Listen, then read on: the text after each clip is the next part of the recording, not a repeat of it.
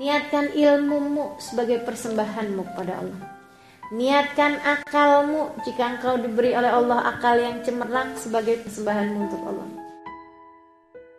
Niatkan suaramu jika engkau diberi suara yang indah sebagai persembahan untuk Allah taala.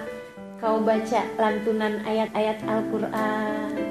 Kau nikmati bacaan ayat-ayat Al-Qur'an. Niatkan persembahan buat Allah taala. Kesehatanmu niatkan buat Allah.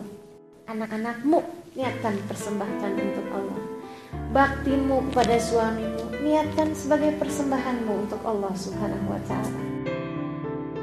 Kita belajar untuk meniatkan dengan niat-niat yang baik apa pun yang boleh kita lakukan di kehidupan dunia